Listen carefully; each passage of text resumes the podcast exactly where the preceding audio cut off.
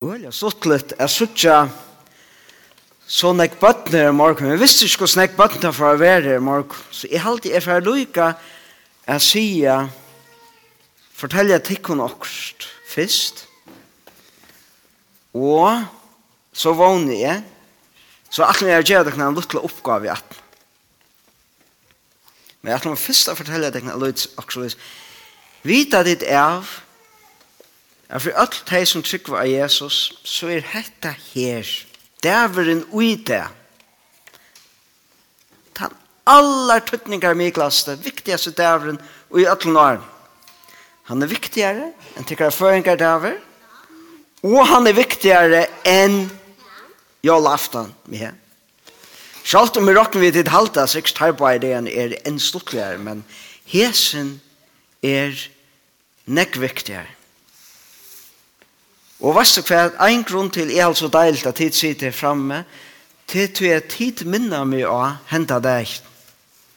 Tid er jo ung, og tid vekser enn. Løyve og i tikkun, det er akkurat nok så kanskje han byrja. Bare kanskje. Fem år så en, eller åtte år så en, eller tutja år så en, eller kvaret. Og tid vekser enn, og tid hava meir og meira liv i tekken. Da man blir sin eldre som er og som foreldrene til tekken, så blir man å føle at ene for så fikk man meir og meira liv, og ting bare bedre og bedre til, og så kommer det man blir at akkurat som at man orskar ikke lukka som nek, for man får ansper latter, og vi sitter av ommer og appar så vet jeg at de klarer ikke vel å gjenge oppsøkken trappen her og sånt. Men hesen der lykka mykje om vid veksa og få meir og meir av løyv, lykka som tidsjera nu. Etla vi til tøy parsen av løyvnen her som vi byrja at okkur byrja genga syndikale. Så er hesen dævren, tan dævren, som forteller okkur at lykka mykje hva for å hente i løyvnum tja tikkun etla tja mer så i sørsta enda så får jeg vi øtla eia det samme som tid eia nu til at løyve vekser og blir større så tja det for øtla hei som trykva av Jesus så merker det at det som får a vinna til endan til til at liva. Til til at kunna renna og kunna sutja vel kunna hava det gott kunna spela kunna elska og kunna føla seg vel Lyka mykje hva hent Hava tid om til prøver sjuk Til han stuttlet da Nei, det er ikke skjøk. Helt det sutt, hvor helt det sutt til å være? Så slipper man fra rotta. Hva skal Så skal du gjøre som jeg. Jeg blir en gammel dronk, jeg skal bli eisen fra rotta. Nei, jeg vet, slipper ikke lukka vel. Men jeg halte, vi flest halte, at hvis vi ordentlig har spudtjesjuke, og ta svimler i høtten, og vi føler at det er ikke stolt. Og ångte er livet så alles tja okkur menneskene til ting som ikke er stått. Og er Jesus kommer etter, ja, men så skulle vi all gengur tjøkken liv her som ting som ikke er så stått. Og så kan man blå sin til bensjen ångt. Hver fært av siste år til ordentlig kjelje, til man er sjuker, til det kanskje miste omkring om, eller appa, omkring dodja, eller er det livet? Er det gleden? Er det til å kunne renne og spela og hoppa? Og vet du det? Hesen der, til tog er hesen der er aller viktigast, selv om det ikke får noen føringer der skal vi, eller jeg lager Og det er jo kanskje føringer der, der, så var det. Men selv om det ikke får det, så heter det den viktigste der. Tog at henta degen for kjøttfeitsen av en Ta gjørte ein maver nek, som ongen annar hever gjørst. Det var Jesus. De så i leitjene nå. ha? han døyet, finket de der vi, at det var søvann om Jesus. Ganske synd ringt, for jeg vi brian, hvis man ikke ordentlig kjent søvnar, men råkner vi meir og meir etter tjekk. Så så de det var søvann om Jesus. Og var det sørste til at han døg av krossen, var det det sørste som hendte? Var det det? Men hendte ikke noe annet, hva annet hendte atna? Han reis opp at. Og det var det han gjør det i det. Han reis opp at fra time day. Og Bibelen, og jeg får prate en liten løte, en sånn male som kanskje tid er kjørdla, eller kanskje er sindri ringer jeg skilja, men det som mersker er ikke bare av tog at Jesus reis opp, og bær han er risen opp, og han får aldri dodja meg, og han er ordla frusker, og han kan renna og spela og være glæver og elska, så sier Bøytmann okkon at han er bare han fyrst som skal rysa opp. Akkurat som det var ordla syrkjelig ta Jesus døye, og enda syrkjelig ta Jesus døye til han døye eis for syndene i sjokken, men lykka som han døye tar for okkon ødel, så stendur i Bibelen at han reis opp, og at jeg vet at han reis opp fra dem deg, så skulle öll som fikk være Jesus, sjalt om det dødja, ein der reis opp. Så sjalt om om og tida kanskje ommer og abbar som er deg, men at det er tro i Jesus, så sier Bibelen at ein der skulle reis opp, og veist du hva det er mest Vi som oh, byrja at veist sta halta og her var ringt vi a kom opptjøkken trappen der.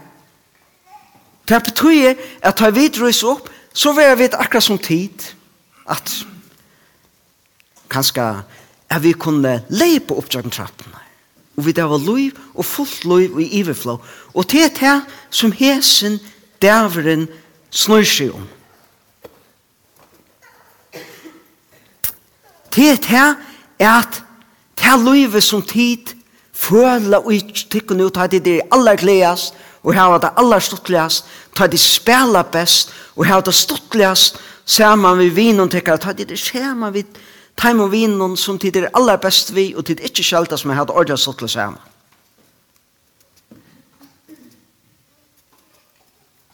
Det er det som hesen dermed lover, at lyka mykje hvordan livet fer, så aller sjust, det som fer jeg hent aller sist tid det at så la sverta for jeg kan ødel og trykva av Jesus. Tog jeg Jesus han reis opp fyrst og tog skulle ødel deg som er trykva av han rysa opp eisen og så vera glede og liv alt for ødel men nå er oppgavan nå fer jeg at jeg prater for jeg røyner fortelle foreldren til dere og meg selv det samme som jeg fortalte dere bare om at og nå vet jeg for jeg kan skal prate synder på en måte som jeg tar for ikke at dere skilje men jeg nå kommer min oppgave ok? Jeg er klar for å be dere å regne lust etter meg. Å lykke vel selv om det er kanskje synder ringer jeg følger ved. Og så skulle de finne en tvei ting som de ikke skiljer og hva skal de så skulle gjøre? Til å møte livet skulle ikke komme til morgen, sier jeg forstår ikke hatt og hatt. Så skulle de fære til foreldrene til dere. Så skulle de spørre deg om hva det er mest. Ja? Så, så hva skal det er ordentlig smart? Så nå er nøye jeg til jeg lyst etter meg. Så det skulle svære til dere. Ja? Snilt. Men ikke her, jeg halte ikke at alle vaksne dutte så vel etter. Så heter det et som vi får lære det, tror jeg. Vi får først bare bøttene, ok? Sier det som Oliver sier. Ha? Det som tid skulle minnes til er først, er ja, sannelig. Prøv å si det. Ja, sannelig, ja. Og hitt er han er risen. Han er risen. Ja, ok. Så bæg uh, sammen. Ja Ja, sannelig, han er risen. Ok, ordentlig hars nå. Nå får jeg først å si bare han er risen, og så får jeg tid ordentlig hars å si Ta satt noe minnes til hvordan det var? Hvordan var det? Ok. Men nå skulle det si at her er atter, og så skulle det si at det så hars som ditt iverhøver klara. Tar det det? Ok, fint han er risen! Yes, hatt han er bedre. Nå vil jeg ha alt til vaksen vi, helse, og si at det er ordentlig hardt. Du omkrar det her, så kan man si at ting ordentlig hardt. Han er risen! Yes, han er, risen. Og til akkurat det, og til Hette her, til tog i hessen dævren, er tuttningar menneskelig og meira verter enn alt annan. Til tog at han er risen. Og det som jeg ætla å sige ut det og ta seg om er fra det store oppreisende av kapitlen tja Paulus som er 4 Korintbrev 15. Her sier Paulus, da han skal, først han byrja vi bare helt einfalt at teka saman om hva evangeliet er. Jeg er sånn jeg kan si, jeg kom strøkken alt, så jeg får røyne improvisere sinter. Uh, så takker vi resten av neste år, neste påske morgen. Hvis det vil jeg etterta, hver veit. Men i fyrre grunnen, brev 15, sier Paulus, eh, jeg setter fram, i Brian, og i første verset, jeg setter fram fire tikkun brøver og systrar evangeliet som er kundgjør til tikkun, som tid eisne tåker vi, som tid eisne standa ui. Som tid eisne vera frelst vi, så satt som tid halda fast vi årene, og i er kundgjør til tikkun til ui, annars sjue til anses, tog jeg lærte tikkun som hit fyrsta ta, som i eisne heve tidsje vi, og så kjem det. Hette akkurat tjattnan i evangelien, som alt lov Jesus er bygger opp til, og til hese trutje dianer som vi er færen jaknon og tantri er vi og inno, er Kristus døye for synder okkara etter skriftnon, at han var gjerra vår, at han reis opp tria dagen etter skriftnon. Stedt vi her. Evangeliet, Kristus døye for synder okkara, han var gjerra vår, og han reis opp at Det som er atle er nu at bare gjør i tre momenten til er at Luisa Luive tjokken om vi ikke hørte dette tre elementet i evangeliet. Hvis det var bare at han døye og var gjerav. Faktisk sier Paulus Jesen, kapitlen på nekva mat er til ikkje nok at Jesus bare døye for syndra okkara. Det er jo som blasfemi jeg sier. Du måste ha oppreisna vi.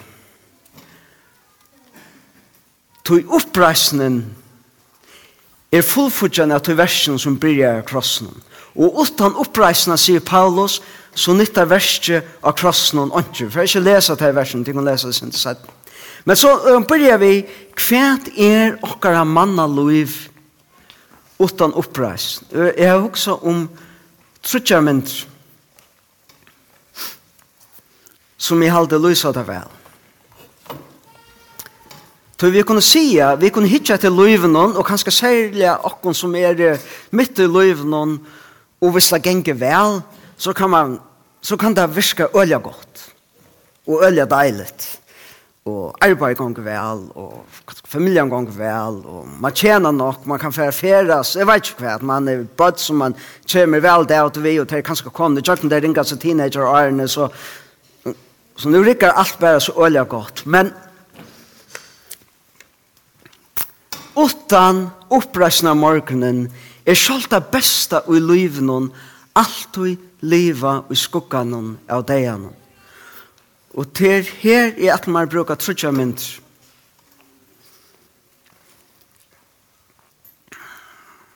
Den første mynden, eller de første tver myndene, er tver sjuk.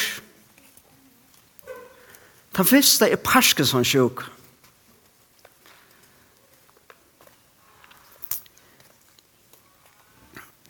Det er det vi suttja henda kjøtt ta i omkring finnes Parkinson. Ja, men er det jo ikke bare det som bor okken ødlom.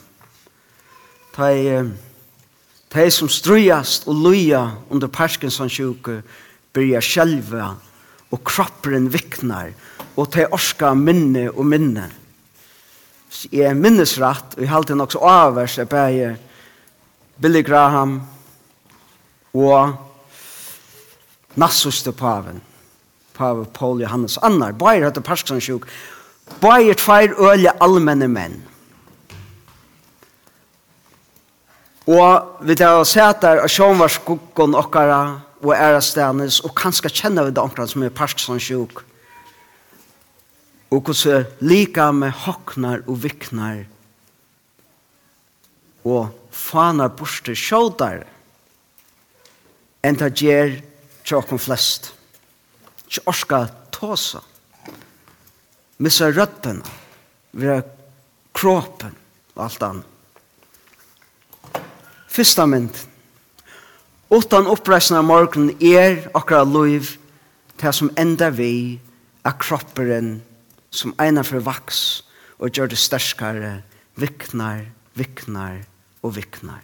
Rødden fer, vi gjør oss kroppen og ein dag sier han stopp. Ånder mynd er Alzheimer.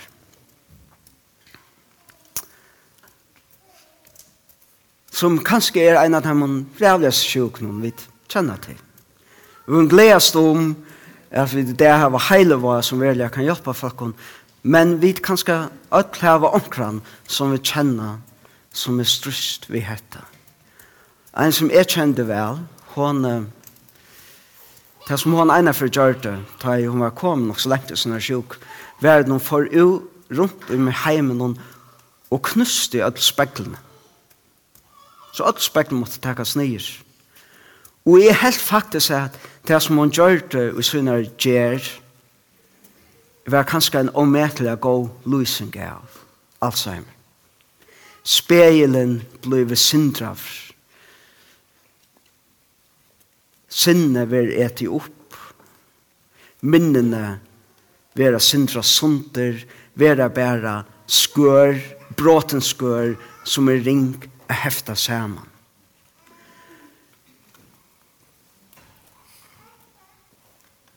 Til eisen til, som vi hent, suttja henta ui, ui, i stora fer, som bøyer okken ødlun om oppreisen ikke vær. Jo, som er færa vi er noen klare om sinne. Men da er sinne er færa, så er det færa. Og rævleikene av tog sutja vid, tar vi sutja det bare framme for egnom, akon og teimen som en andre. Det er en døpenmynd.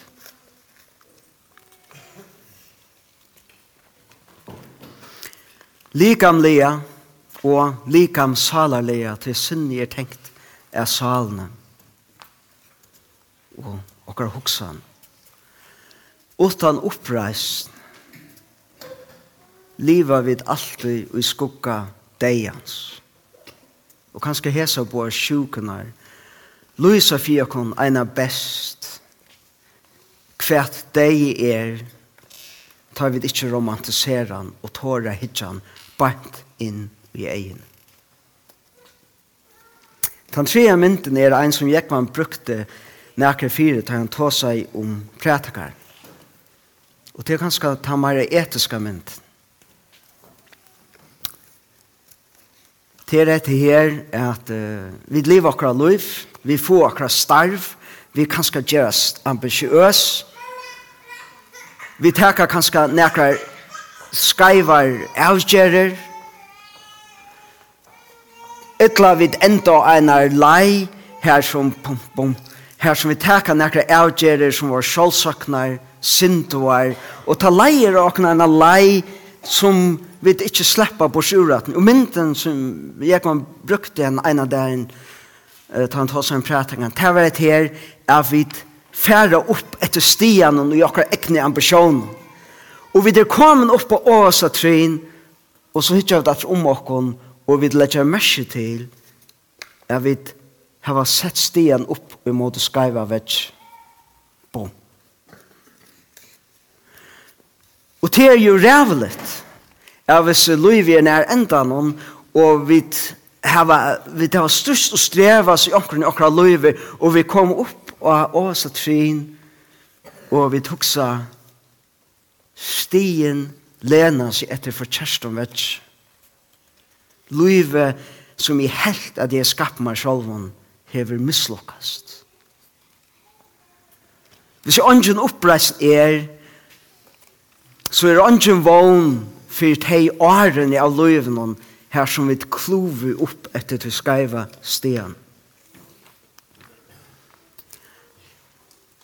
Derfor har vi ikke stund til å inn i det. det er kanskje neste, uh, neste postur. Hvordan det som Paulus gjør i hesson kapitlet, kapittel 15. Det er det jeg at Kristus var risen opp fra dem deg. Det tror jeg Men det tror ikke på nekker oppreis annars. Det er noe som var omøvelig. Det er noe som ikke bær til. Og så hadde det kanskje en fyrstilling om at salen eller også annet levde for så å være sammen ved god i en sånn her deilig luftighet av en lønnsle. Og Paulus sier, vekk vi oss ned. Hvis det er ønsken oppreist for henne deg, så var Kristus heller ikke risen opp. Til oppreisningen som Kristus reis opp i, hon er nekv meir. Et eller annet, nei, det var ikke om det her at hon er ikke bare til at Jesus reis opp for 2000 år siden. Oppreisen var største vånar mynden til Israel, etla til mange jøten, av Jesus er døven. Og til snue seg om at For jøter mot vi skrikkar, så tror der på skaparen som har skapt okkon og i myndsynare, og tann mynden våre vit, kropper og sal, likam og sal, sammant. Og Og at her løyve er god yngste, vært her løyve som vi levde oss ned, tog brukte jeg mynden av bøttene i morgen, tog det er kanskje den beste mynden vi eier, er hver god yngste fyre okken, til ikke en kropper og et likam som følner, men til styrke og glede, til som ligger bøttene for framman, er koma inn i her som de er være stersk, og er koma opp og hattene av tog som det er.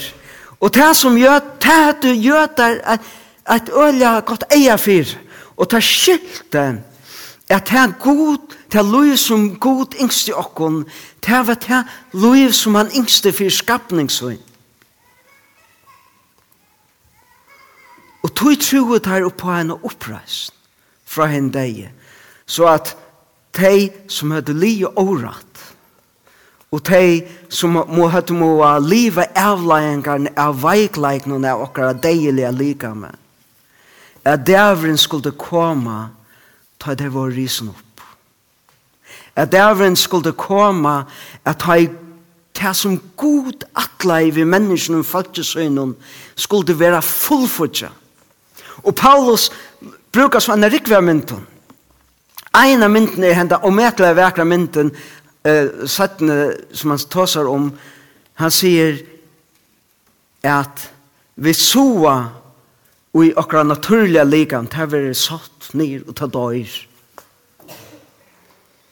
Og så er det det som er øyla torfers og tøya. Men som, det frias er sikkert så som vi tar av i som det eisen sin her i førskånd, er at det ryser opp og i et andalit likam. Men det er ikke andalit likam som bare en sånn ande som tvest. Jeg vet ikke, jeg er omkestanes, men det er likame som færsut liv fra anda gods og tui være løst ur hafte deians og deilighet og skrøpelighet og eisne søste enda løst ur ötlom bondon syndarene. Og tid, når vi enda nå, men det er okkara vogn. Okkara vogn, er okkara vogn, at har vi dodja så skulle vi være sammen vi god i himmelen. Ja, det er det. Det er lyftet vi eier at tar vi færre herfra og til søtt. vi skulle vite, at lykke mye hva det er mørster, så skulle vi være sammen vi i god og nærvær i hans herre. Men det er ikke endelig av vågen okkara. Okkara endelig av vågen er oppreisningen av deg. Ta i god atter skal lete okkon og oppreisner oppreisnar om okkara. Som færsutt liv fra andre gods. Og som gjør at det som vi bare har mest i bråten her, er at de aller beste av løvene være fullfordgjøtt ut om det vi iverhøver kunne huske oss. Det er det hesen dævre mest for oss. Av tog at Jesus er risen, skulle vi eisen rysa, tog som Paulus i Jesus kapittel eisen sier, er at en opprissende Jesus er første frukten av oppreisende. Han er den første som får undan okkon inn i oppreisna dørna og vit hava lyfti av til han er risen så skulle vid eisen rysa og ta verer anki Alzheimer ta verer anki Parkinson. Og sjalt tei år og sikkert ötla av okkon hava klove upp etter til skaiva stenen av til av buttleika, eller av okra egne synd, etter sjálfsøkne, sjálf til tei årene kan god bjerga. Te er vånen vi vid eia. Tui er da at påskamorgon er den tutningar miglaste dævren av atlun vi årene til okkon. Tui er er lyga mykje hvert hendur.